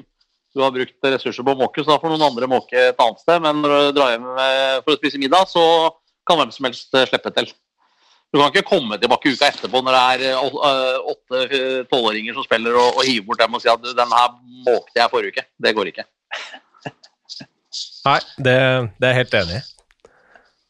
Og Jesper, du har vært ute på, på sjøen og kost deg, du har jeg sett? Ja, på fjorden. Det er, det er fantastiske forhold uh, på, på indre, indre Oslofjord. Er uh, Innafor øyene har det vært fantastisk. Det er jo mulig å gå mange mange kilometer, så det er helt perfekt. Jeg får oppfordre folk til å gå innafor oppmerka løyper, da, for jeg skjønte at det var en del som hadde gått gjennom isen utafor Kalvøya, og der uh, hvor du hadde gått også, Jonas. Ja, det Bjørn, jeg er en av de som har bada i helga. Og gikk du gjennom? Jeg gikk gjennom. Jeg satt og supa kaffe med en, eh, en annen eh, litt bak Kalvøya. Tenkte Utafor oppmerka løyper? Yes, Det tenkte ikke jeg noe på i det hele tatt. Ja. Så det gikk jeg gjennom en, en isrock, gikk litt for nærme den. Skulle bare kjenne på hvor, hvor, eh, hvor tynt er det her. Bang! Rett ned i isen. Så det er, det er så fortjent, men da har man lært det, da. Men det var litt av en opplevelse å, å ligge der. Jeg rakk liksom ikke tenke før jeg var oppe igjen, men uh, det blir litt sånn eklere og eklere for hver gang jeg tenker på det. Ja, man skal, man skal, være, man skal være, eh, fryktelig forsiktig med de greiene der. og Det er, det er som du sier, Bjørn, vi oppfordrer til å gå innafor oppmerka løyper og, og, der hvor isen er testa og sikker. Og, og, skal man være litt uh, utforskende, så må man ha med seg ordentlig, ordentlig sikkerhetsutstyr med både ispigger og kasteline og tørre klær i, i, i sekken? Ja, det, jeg hadde ikke tørre klær, men det var så fint, og tåka hadde nettopp letta, så jeg tok en time til jeg, uten å skifte. Så det ja, Så den ulla fra Devold gjorde jobben, så det var litt av en opplevelse. Ja. Det er kaldt i Trondheim at her er det en meter tjukk is overalt, så det er ikke noe problem. Jeg må komme og gå her. Gå ikke gjennom noe råk her, gutter. Jeg skal huske på det.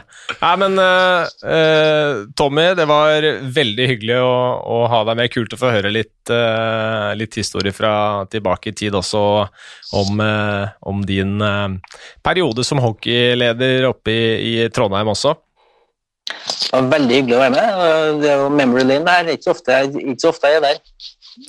Så skal vi dele ut et eh, Zoom-abonnement som, som, vi har, eh, har fått inn en hel haug av spørsmål. Uh, det er ikke alle som vi har fått tatt. Mye av svarene har egentlig dukka opp av seg sjøl her, men jeg syns vi skal gi den til Christian Stokdal, jeg, som, som, stilte spørsmål om, om halvsituasjonen og, og, spilte oss opp på den. Vi, vi har snakka mye om trøndersk hockey også i løpet av den podkasten her, som, som vi til det kjedsommelige kan jeg gjenta at vi, vi, gleder oss til den dagen Trondheim er med i toppen igjen. Um, og så, Vi hadde jo en dato å forholde oss til, men når Fjordkraftligaen skulle starte igjen sist vi avslutta en podkast, det har vi altså ikke nå, egentlig. Det, det er uh, bare å krysse fingrene. Selv om håpet begynner nesten å svinne her, så får vi se hva som uh, skjer videre. Inntil da så får dere finne på andre ting. Uh, å drive med. Uh, og som Jesper har sagt, uh, hvis dere skal ut på noe vann og utforske med, med skøyter, så ta med sikkerhetsutstyr. Uh, stay safe og ha det Hva skal man si? Ha det fint videre. hold dere aktivitet, og så snakkes vi om et par uker.